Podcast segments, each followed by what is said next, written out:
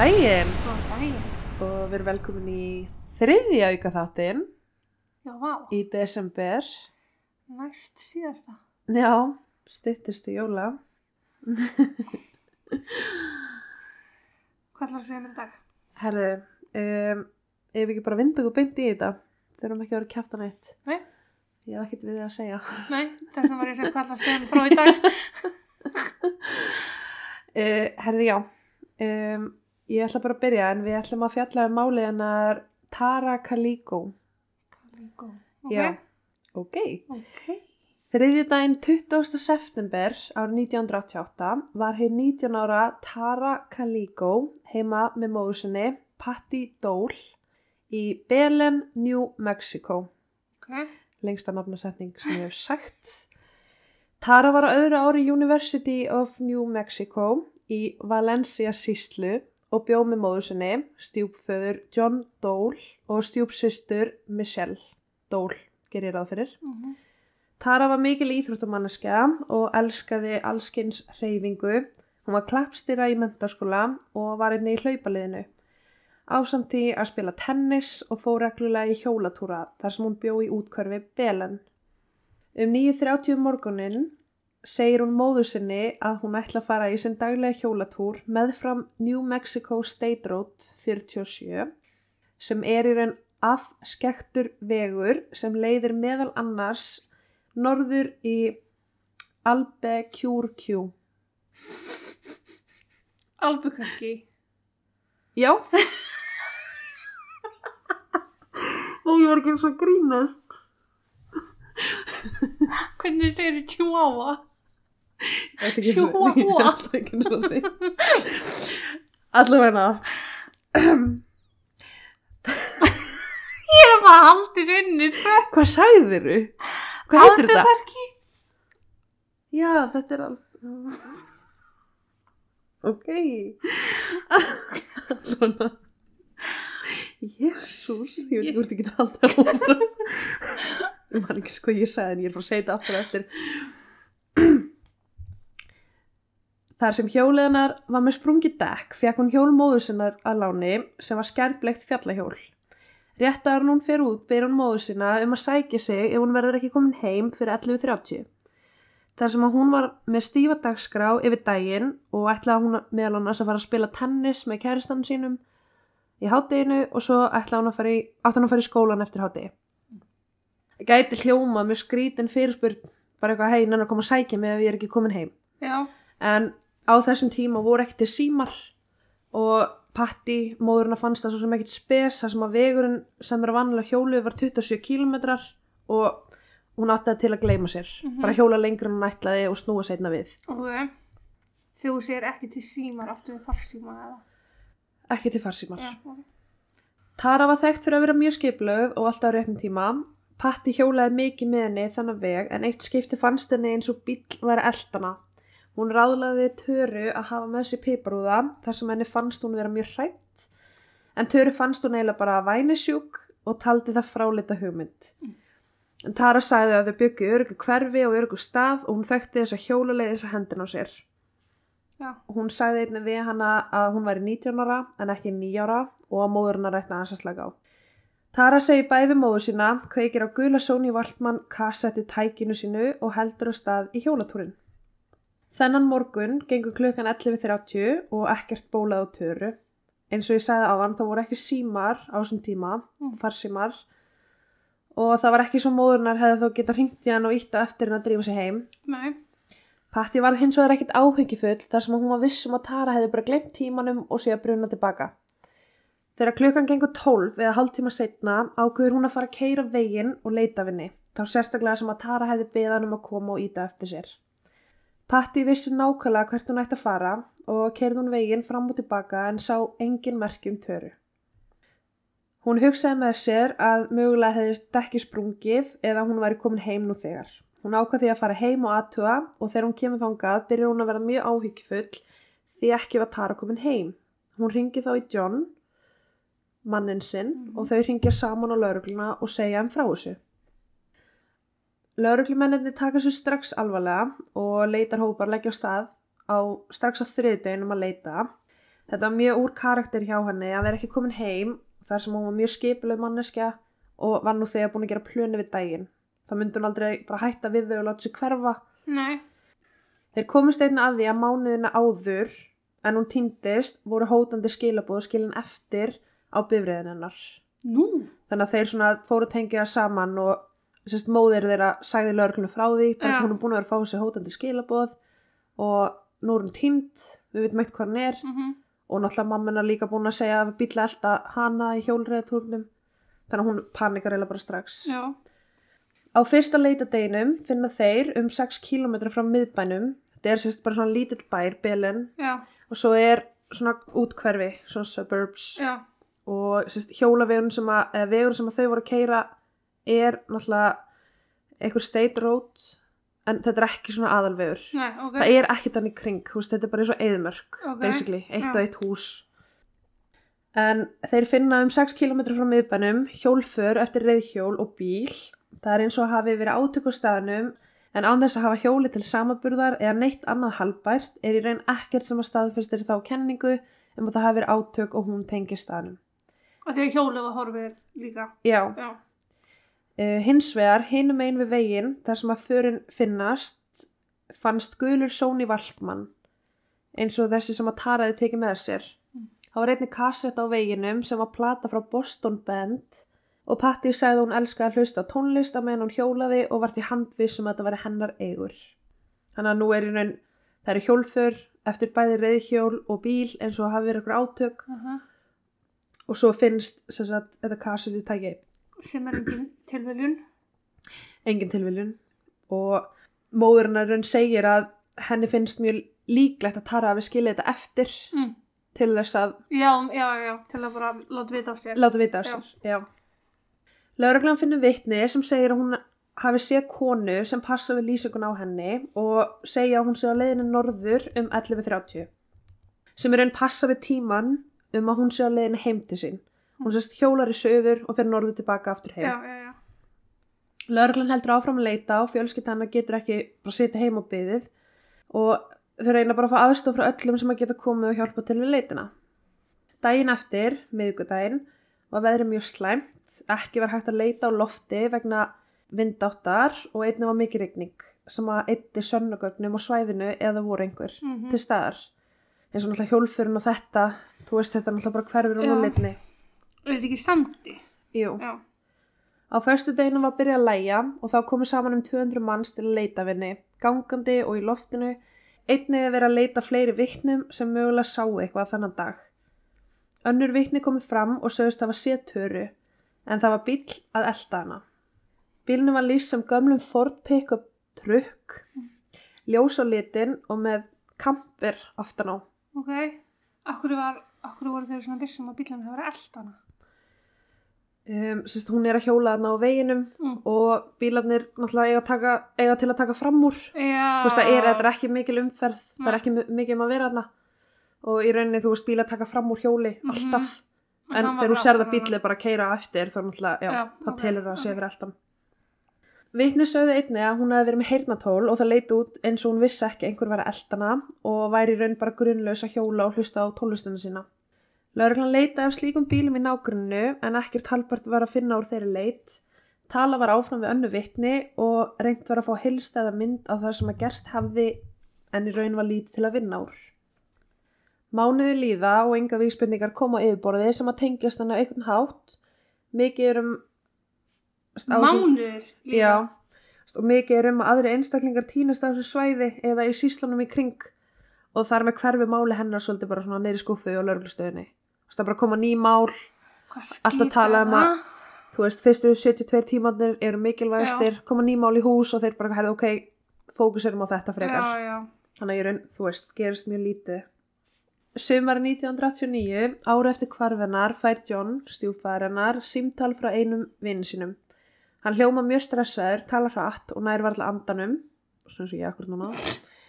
Og í raun stamar hann mjög mikið og það mikið að John skilur ekki hvað er í gangi. Hann segir að hann hafi verið að horfa á þátt í sjónvarpinu og sé mynd af töru.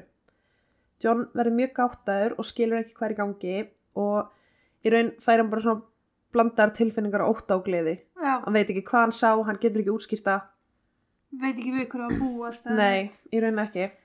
En í þessum sjónvarsætti, A Current Affair, segir að kona hafi farið í maturubúð í Port State Joe í norður Flórida, Mm. rúmum 2562 kílómetrum. Ég ætla að vera að segja að þetta er langt í burtu. Já, frá Belen. Hún leggur þar við hlýðin á hvítum gluggalösum sendiferðabíl, Toyota Cargo, og í bílstjórasætinu situr maður um þrítugt með skegg. Svo sem ekkert mál og í raun ekkert sem maður spáir sérstaklega í. Húst, þetta er bara eitthvað sem maður er á bílastæðinu og þú lafa bara inn í búðuna. Hins vegar, þegar hún kemur tilbaka og er að leggja vörðunar í skotta á bílun sínum, sér hún Polaroid mynd liggja á jörðinni þar sem að sendiferðabifrin hefði verið. Hún tekur hann upp, kíkir á hana og verður svo sjokkuruð að hún ringir strax í laurluna. Það var sneak peek. Já, Já, já. ding ding. Á myndinni er hægt að sjá unglingstelpu, unga strák, bæði með svart duct tape fyrir andlitinu og allt lítur út fyrir að þessu bundin á höndum og fótum en í raun sérst það ekki nógu vel til að sjá hvort þú sé það. Nei. Þú sérð ekki almennilega hendurnar og þú sérst ekki inn á fætunar. Þau liggja bæði í hvítum sendiferðabíl með rennihurð en hægt er að sjá að bílinn er gluggalaus. Það eru sængur og bók sem að liggur við hliðstúlkunar og eitthvað sem að líkist tösku á bakveginn. Og hægt er að sjá að andliti stúlkuna hún er uppgefin. Lögreglan setti strax upp vegtalma til að leita þessum bíl en þeir finna svo sem ekki neitt. Þeir leita í nokkra vikur við að reyna að fá betri mynd á hvað er í gangi en engin ummerki er að finna. Þegar um sex vikur líða og lögreglan hefur ekkert í höndunum ákveða þeir að fara með þetta í sjónvarpið og vonast til þess að einhver kannist við krakkana á myndinni.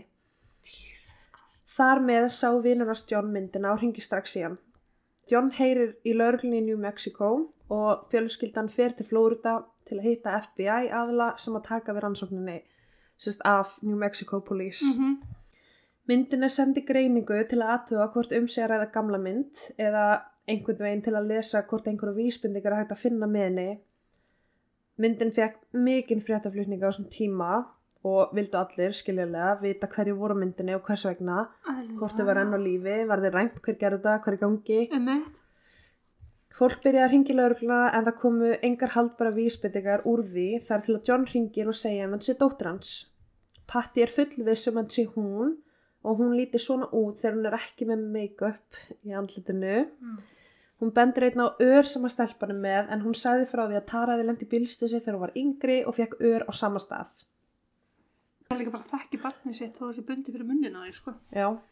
Við hlið stelpunar lág bók og lauruglan náði að greina bókina en um var að ræða My Secret Audrina eftir D.C. Andrews en Patti þekki bókina vel þar sem þetta var uppáhaldsbókin hennar Töru.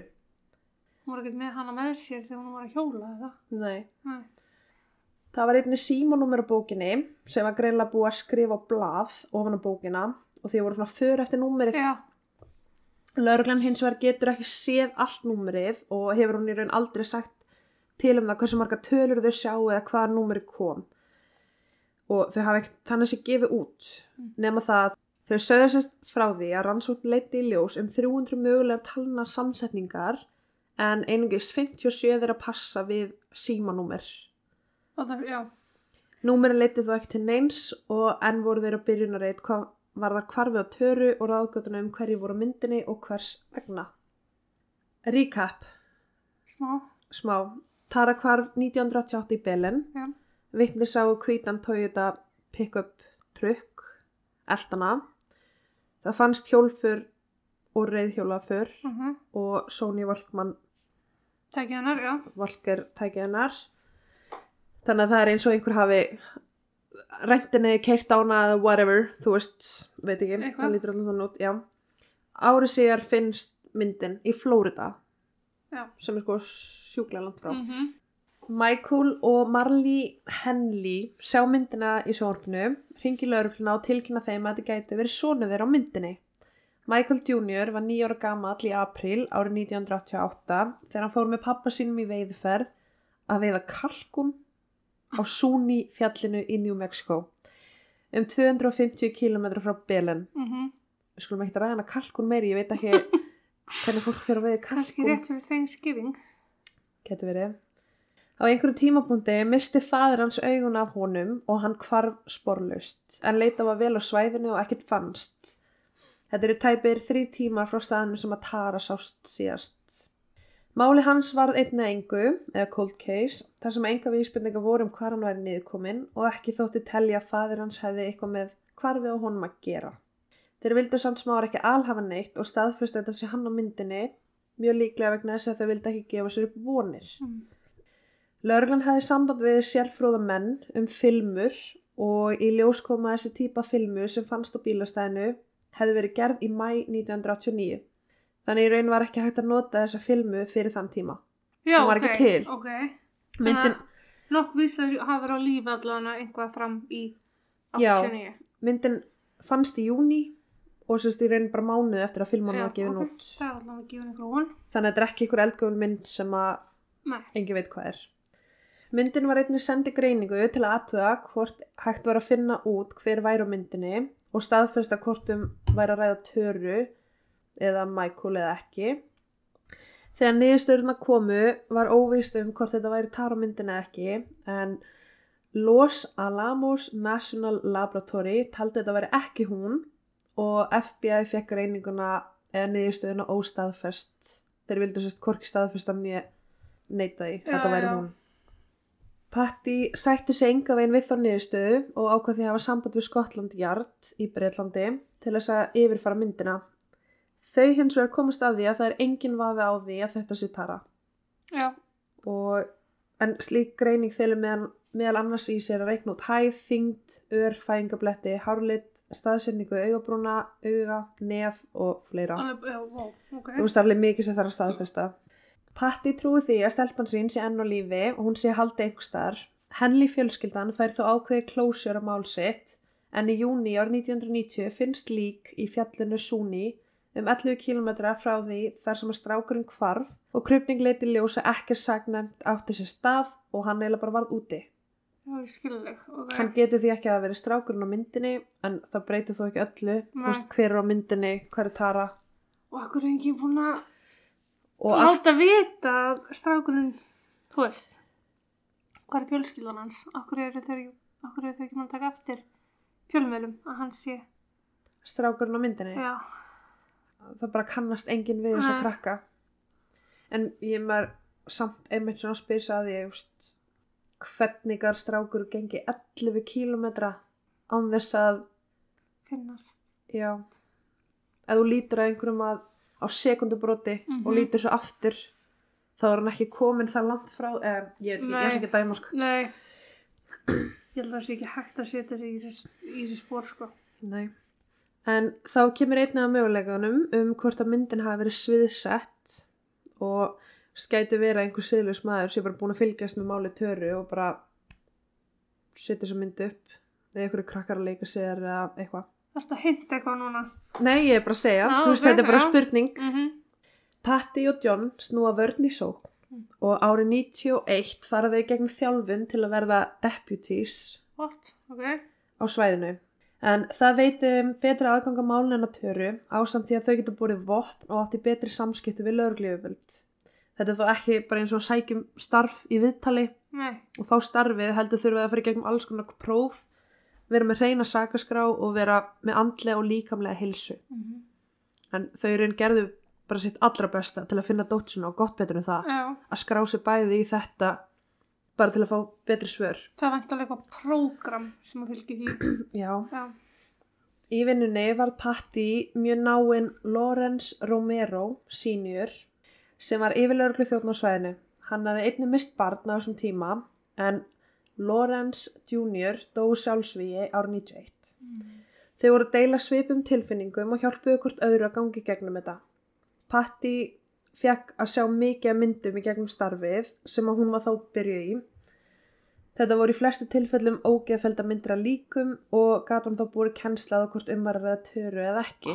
Új, Já. Jafnvel þó að drepur hana innan að skoða þessa myndir þá gat hún ekki hætt. skiljanlega. Já og ef þið ímyndið ykkur hversu erfitt er fyrir rannsóknaröglumenn að skoða þessa myndir getur ímyndið hversu erfitt fyrir syrgjandi móður Já, að býða eftir að dótt sín komi heim að skoða þessa myndir. veit ekki hvort maður sé að fara að Sjá hana mynd. eða- já. Hún heldur áfram að starfa þarna, skoða þessar myndir og vinna ákveðnum málum en bara drifkrafturinn hennar er bara ótrúlegur Mhm. þegar kemur að þessu.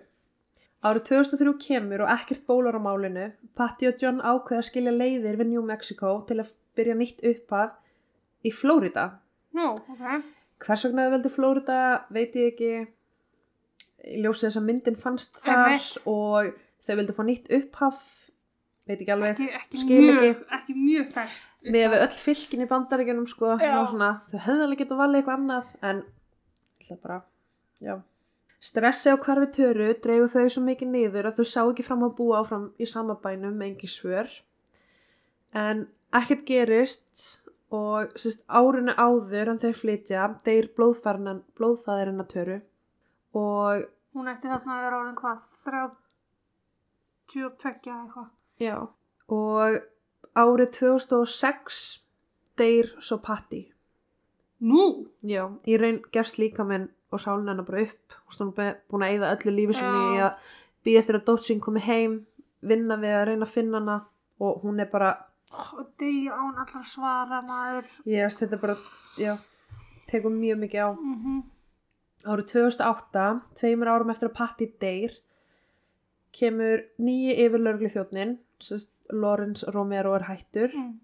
og nýji yfirlörgli þjóttnin kemur tilkynningu um máliðina töru 20 árum eftir hvarf hennar en þá segir René Rivera að hann hafi komist yfir upplýsingar vita nákvæmlega hvað gerðist fyrir töru og veit hver gerðin eitthvað Í sama viðtali segir hann einni að gerendur voru táningar á þessum tíma að svipum aldrei hún og að þeir hafi verið með hjálp. Hann segir að þeir hafi mögulega keirt á hana og hann segir að, þeir, að þegar að þeir losuðu sig við líkið þá voru þeir með hjálp fullorins einstaklings, líklega fóruldri annars þeirra. Hann er nokkuð vissum að Tara hafi aldrei yfirgefið New Mexico lífi og þetta sé mjög lík- líklega ekki hún á Polaroid myndinni. En þessi maður er búin að vera að vinna í málinu síðan 96 Mm. og hann var nokkuð vanur öllum hindrunum sem hafa komið upp. Spátumar, miðlar, falsfréttir, allt svo leis. En hann er lóks tilbúin til að segja frá því hver afdrefin hennar voru. Akkur í fokkarum 20 árum setna. Góð spurning. Kannski var hann bara komast að því. Ok. Sangat honum voru tveir strákar að keira gamlan hvítan trukk sem var í eigu annars þeirra. Það er eins bíll og vitni hafa lýst. Já.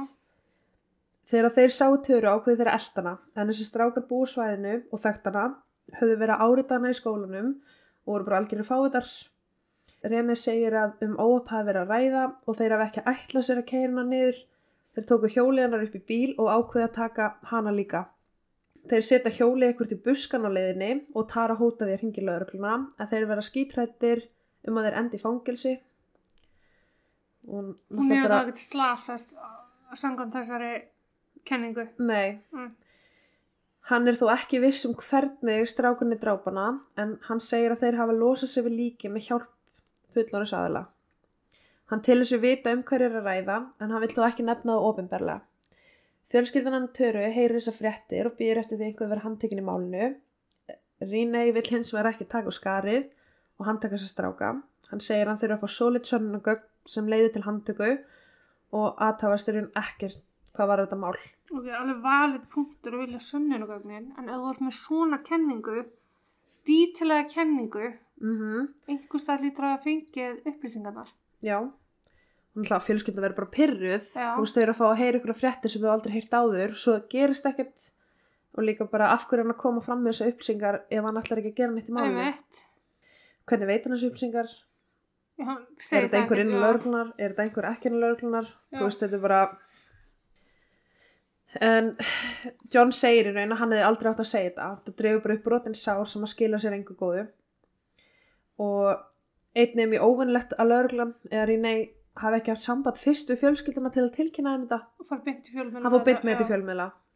En ég tel þó sjálf að hann sé að segja þetta til að hræða aðilina sem að gera þetta til þess að þeir Bara ég er að koma og ég er að fara neglugur. já, bara annarkvort þeir skýta á sig eða þá þeir hafa kannski mögulega sagt eitthvað við vitni og vitni hafa ekki spáð í því á þeim tíma og sé núna bara eitthvað herðu.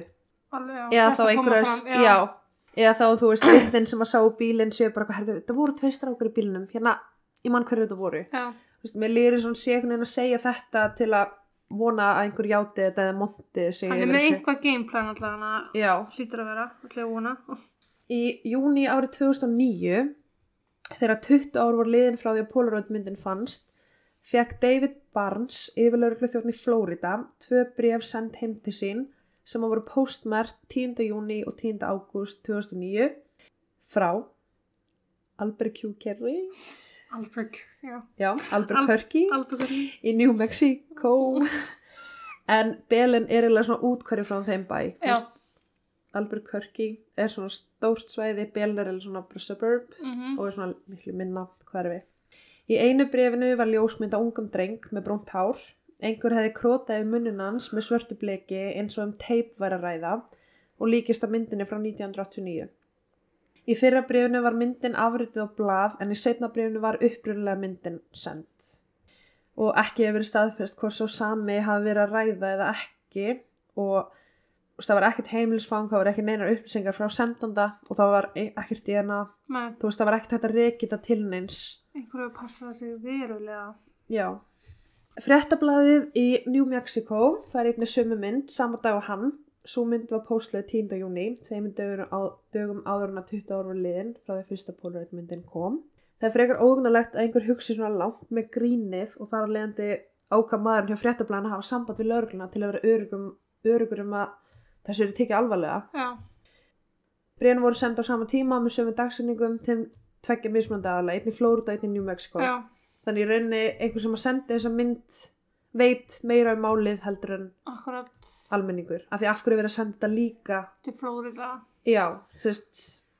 En á svipum tíma og bréfin voru sendt var sjálfstarfandi miðill sem hefði hringt út á töru, sagði að hún hefði hitt Runaway mannesku, eða bara stelpu í Kaliforníu sem vann á strippstað en svo stelpa var á endanum myrt og hún sagði að þær hafi raun báðar verið myrtar og henni hefði dreymt um flóttan á töru dreymt bláan Oldsmobile bíl og hún sé grafin í Kaliforníu. Ok, en leitin leiti ekki til neins. Það hefði einnig verið tvær aðra Polaroid myndir sem að koma upp á yfirborði. Svo fyrir fannst nálægt byggingasvæði í Montecito í Kaliforníu og er aðeins blörru mynd með andliti stúlku sem er með límband fyrir munnunum og ljósblón röndóttan kotta undir sér svipan og í Toyota sendi bifræðinni. Það var tekið á filmu sem var einnig gerð eftir árið 1989 Hinn Polaroid myndin sýnir konu sem er lauslega bundin í reypi, augun þakin með grísju og stór svört glerugu með Karlkins farþega við hliðin á sér í lestavagni. Filman sem var notu var ekki fáanlega fyrir í februar 1990. Móðurinn að taldi að fyrirmyndin væri Tara en svo síðar var eitthvað djók. Sistir hennar sagði einnig að það væri líkindi með fyrirmyndinni og hún myndi ekki útiloka þá mynd en alltaf fjölskyldan er bú- búin að bera kennsla á ótal margar myndir emitt. og þetta er raun einu myndirnar sem að þau eru ennþá að nota sem sönnugagn í málinu. Já, Í óttabér árið 2013 segja lauruglumenn að þeir ætla að opna málið hennar á ný. Fullt af sérfröðu fólki kom saman og var stopnuð ákveðin deild fyrir málið hennar. Setna í sama mánu kemur fyrrum yfir lauruglu þjótt frá Valencia síslu, Frank Methola, fram og segir þeim frá því að maður á nafni Henry Brown hafi verið á dauðabeði sínu og vildi játa nokkra hluti áður hann myndi deyja. Hann sagðist vita nákvæmlega hvað gerist fyrir töru og hverju voru viðráðanir við morð hennar. Henry sagði hann frá því að árið 1988 bjó hann í götu í svona trailer park mm. í Belen. Í götinu bjó strákur sem var gjarnan að þó vinn sinni heimsók þar sem að þeir urðu fræðinir og djömmu í kjallarnum hans. Eitt skiptið fór Henry að djamma með þeim þar og hljómar mjög saklaust en nafnir á stráknum sem bjóðna var Lawrence Romero Jr. Manstu hvað það var? Sá sem að fyrir fór sér. Já, Já. sonur Já, lögreglufjónsins. já, já. What? Var lögreglu þjóðnir sem að, ok, Allavega, Henry segir frá því að í kjallarnum eitt kvöldi eftir að tara hvarf fannst hann sjá eitthvað sem var eins og mannslíkamæði vafin í bláum klæðum sérst undir konkrétdæmi en hann aðtæðist þó ekkert Gerði hann ekki sá þetta já. þeir voru freðnir þeir voru að drekka og hann bara eitthvað hm? potti, já. Á svæðinu var Lawrence, Leroy, David og annar ónafngreindu maður. Þeir byrja að tala um hvernig þeir þekktu Töru því að hún var að deyta vinn þeirra og þeir vissu að hún fór alltaf að hjóla á þessum vegi sem hún hefði Já, horfið frá. já, já. Þeir tölu um að þeir hafi verið að keira veginum og keiriðu á hana og hendist hún af hjólinu. Henry segir að þeir hafa ekki stoppað þar.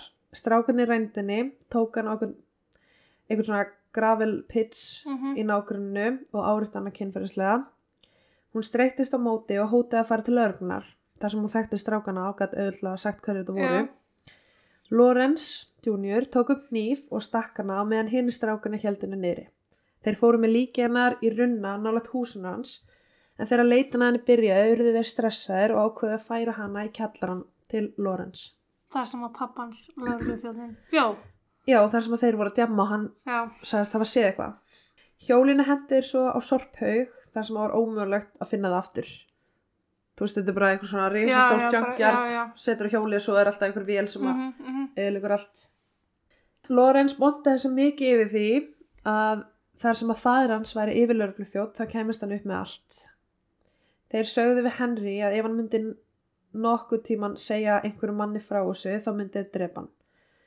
Lorenz Romero senior var yfirlörglu þjóttna á þessum tíma og í raun eru sögursagnir um að í sjálfsmórsbrefi sonar hans Mm. Hafi verið játtinga á þessu öllu. Og það hefur verið að tala um að hann hafi fundið hann fundið brefið eðilagt það. Og Að að hann hafi ekki verið viðræðan, jú, sérst að Lorenz senior já, hann fann svon sinn og brefið. og brefið og eðilaði brefið af því að hann var sá sem að hjálpa þeim að losa Já, sig við já, líkið. já, ok, þá er ég að skilja þetta rétt, já. Og sonur hans bara hafi liðið svo illa með þetta að hann gæti ekki lifa lengur Mhm, mhm, en pappa hans bara mhm, maður fær enginn að vita nei. Annar maður kom einnig fram og hafði sömu sög að segja að þessi strákar höfðu sagt sér frá þessu. Þegar þetta kom upp voru þeir því miður allir látnir sjokkar mm, og því ekki hægt að yfirheyra þá. Lorenz náttúrulega búin að vera látin í yfir 20 ár. Henry er einnig dáin, hann var á döðu beðinu sinu. Kom ekki að fram hvernig hann dó, eða? Henry, Já. uh, mér erst mjög líklegt að hann hafi verið felon og þetta hafi verið döðurafsing.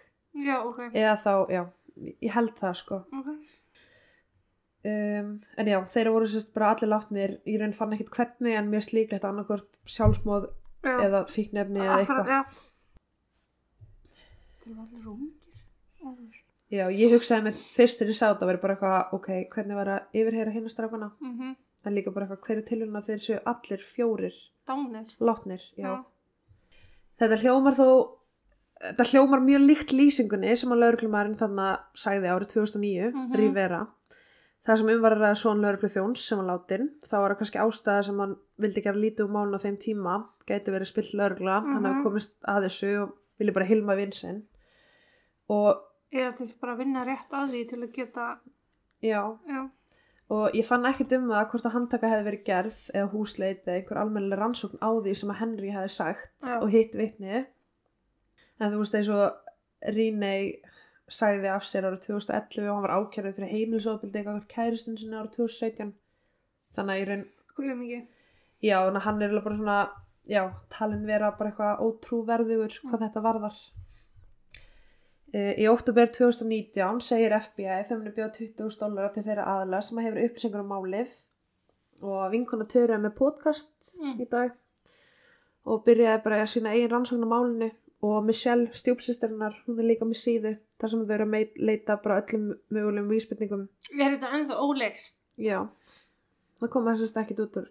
Þannig að í raun veit enginn hvort það taraði verið á myndina eða ekki, hvort að þessi saga með hjóli og það hefði verið sönn. Nobody knows. Það veit einhver, en þú veist, Enginn að koma fram. nei. Og önnur kenning sem að kom einnig fram er með David Parker Ray eða The Toy Box Killer. En hann var fættur 7. november 1939 í Belen, Mm. New Mexico. Heflegt. Heppilegt. 39, hann er samt alveg svolítið gamall, þannig að... Já, ok. Hann var þekktur sem The Toy Box Killer og eru fórnalöfum hans óteljandi og er áætlaðan að framið um 60 pluss morð allt að árinu 22. mars árið 1999 hún hvarf 88 Já, þannig að hann var ennþá að ok. Fullu fjöri bara. já, en það ár var hann handtekinn hann bjó í Elephant Butt æ, ég veit það Butti á þessum tíma sem er einn og halvu tími frá Belen hann alltaf er ólst upp þar Já, og já, þekki svæði og allt, já. einmitt. hann hljóð einangraði stóra kerru sem hann kallaði leikfangakassan sinn og útbjó hann af hlutum sem hann notaði voru til kynferðisleira pyntinga sem hann alltaf bara svona hvít kerra Rey var dæmdur fyrir mannrán og pyntingar árið 2001 sem hann hlaut langan dóm fyrir en hann var aldrei dæmdur fyrir neitt morð. Á bernsku árum hans bjó Rey og Peggy sýstir hans hjá afæra. Þaði þeirra var mjög óbelsfullur og heimsótti hann reglulega og gaf hann um klámblöð sem hann þvingaði upp á hann, bara eitthvað sjúkur faðir sko. Já, Hann var lagður í einelti í mentaskólan sem hann fór í vegna þess hversu feimin hann var við aðra stelpur. Kynferðislegar fantasíur hans um nöðganir, pintanir og jafnvel morð á konum þróuðust á unglísárunum hans en um það leiti uppgötaði sýstir hans teikningar hans og klámfengnina. En hann hefði sérst bara verið að teikna ógislegar myndir. já. Að loknu mentaskólanámi fekk hann heiðusvelun í útskrift hjá bandaríska hernum þar með fyrir þjónustu sína sem velvirki. David var skilinn fjóru sinnum, átti tvö börn þar að meðal, meðal vit orðsmann sinn, dótturinn að Jessie Ray, en hún Mm. hjálpa honum með þetta að finna fórnarlömp og svona. Hann lést af völdum hjartaáfalls um það bil ári eftir sagfællinguna. Tara passar við lýsinguna fórnarlömpunum hans sem að David lýsir á toybox bólunum sínum. Hann sérst tók mikið upp. Hún passa fullkomlega við það sem hann segir. Hann segir, vegna þess að fyrir okkar tilgang kjósu við að stela táningsstelpum, kynþróska en samt smávaksnar, skítrættar, auðvilt að meðhundla þær og auðvilt að þjálfa þær. En þegar Töru var rænt, þá var hann 19 ára gömul, var í góðu formi, Mm. og móðurna lísti. Fullkomi staður en þau byggu bæði í New Mexico, einugis einum og hálfum tíma frá hvort öðru en náttúrulega ólust upp á sama stað Já. í bylun. David sagði einnig að hann sæki vennilega unglinga sem að hjóla gangaði skokka. En Tara í týndist þegar hún var að hjóla. Já. En sérst, hún var að hjóla á New Mexico State Road 47 sem að snýr söður frá heimilnennar í áttað Elephant Buttle. já, ok. Sérst, þetta er Albuquerque. Já, Þetta er Belen, vegurinn liggur svona, veist, og það er ekkert annað, eins og hann, og hérna er Elephant. ok, þannig að hún verið áttin að því og hann, já, já, ok, ég skil kenninguna en ég er ekki samla. Hann gæti hafi verið eldan í marga vikur því þetta var líka í fyrsta skipti sem að móður hann að hætta hjóla með henni og því henni fannst hún vera eld á einhverjum bíl Já, reyndar, ok. og í raun, já, eins og segi enginn af þessum kenningum hefur verið staðfest hvort að hún sé á myndinni, hver er á myndinni hvað gerðist, hvort að hún sé fórtalam Toybox Killer. Það mun náttúrulega get vita það. það er aldrei þetta staðfesta en alltaf bara tilvílun að raðmóringi ólst upp í sama bæ og hún. Og hún, hann lýsir fórtalömbunum sínum, hún passa við lýsinguna. Já. og í flestu tilfellum hann sagði að öll fórtalömb sem hann rænir eru út að ganga, skokka eða hjóla. Hún alltaf er að nota hjóla. Gaf hann aldrei upp hvað líkin væri, eða? Nei, hann hefur aldrei gert það.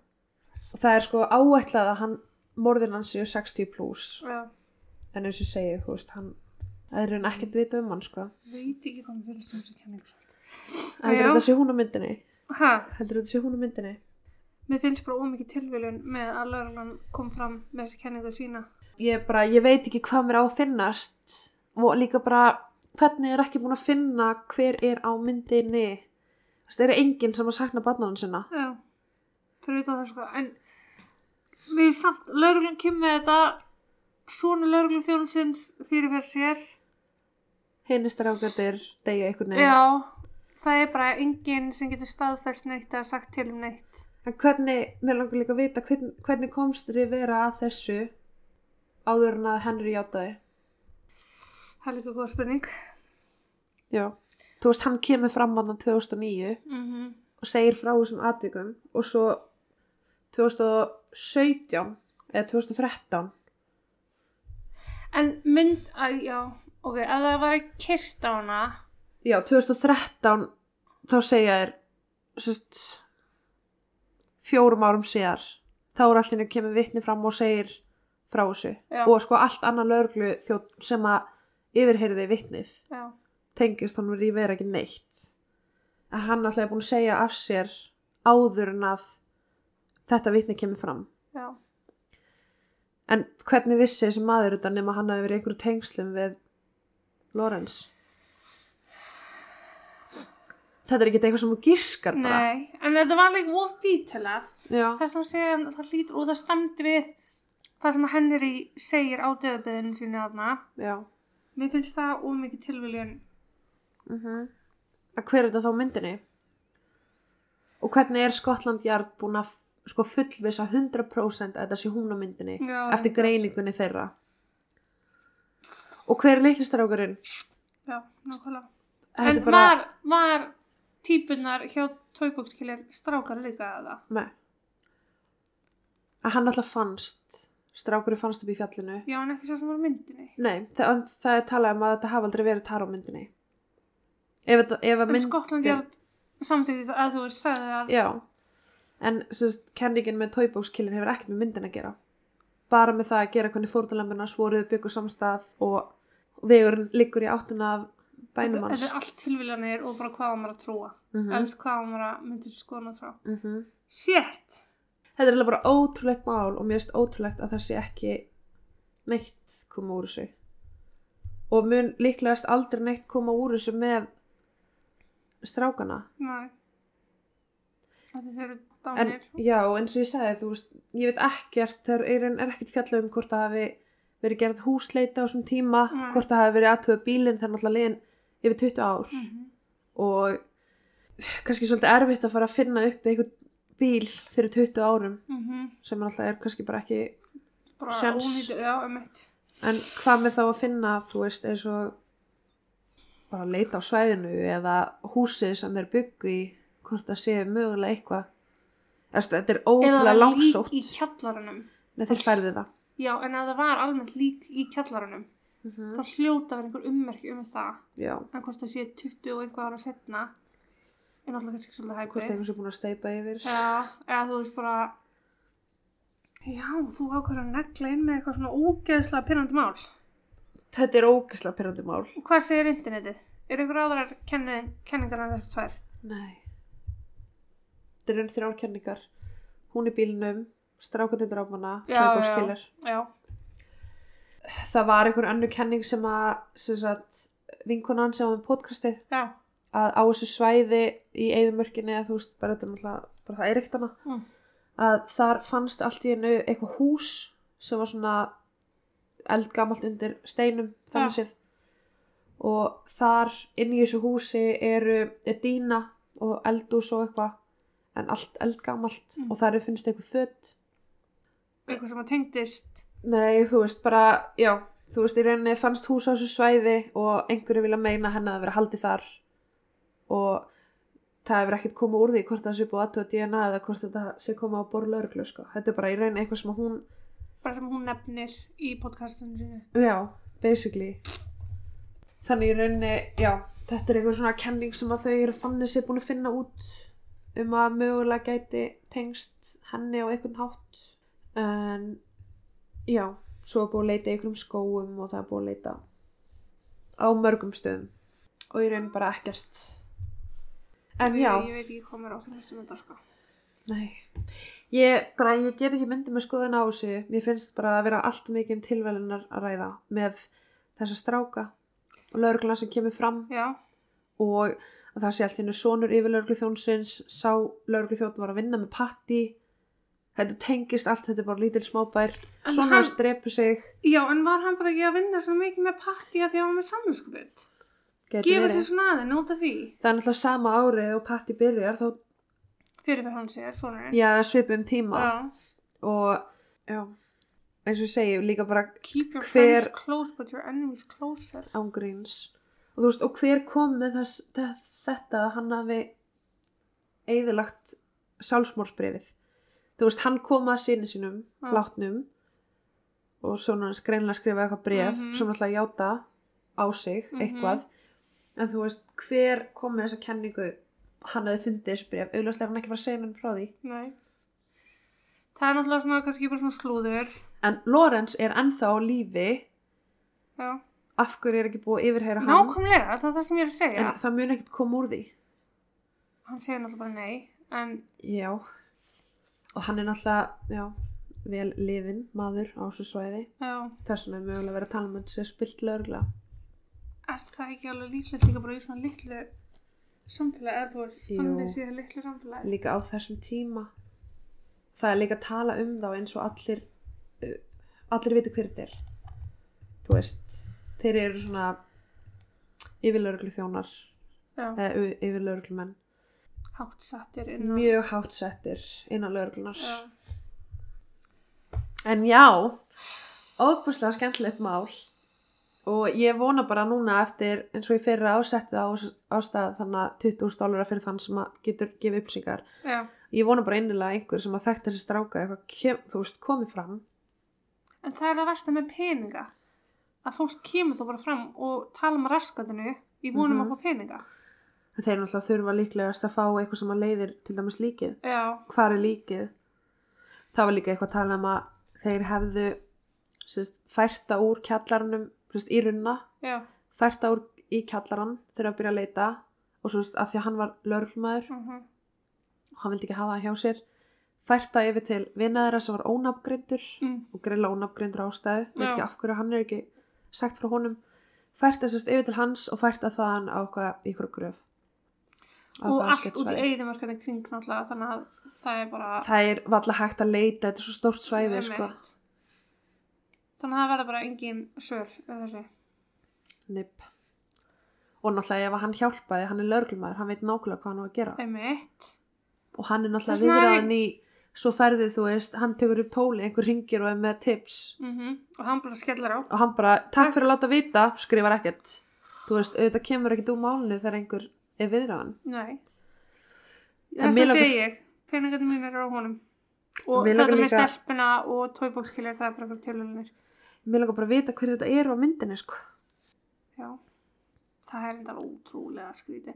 En reyndar eins og ef svona myndi gerast í dag með hjálp samfélagsmiðla, þá myndi líklegast, þú veist, niðurstand koma fyrr. Já.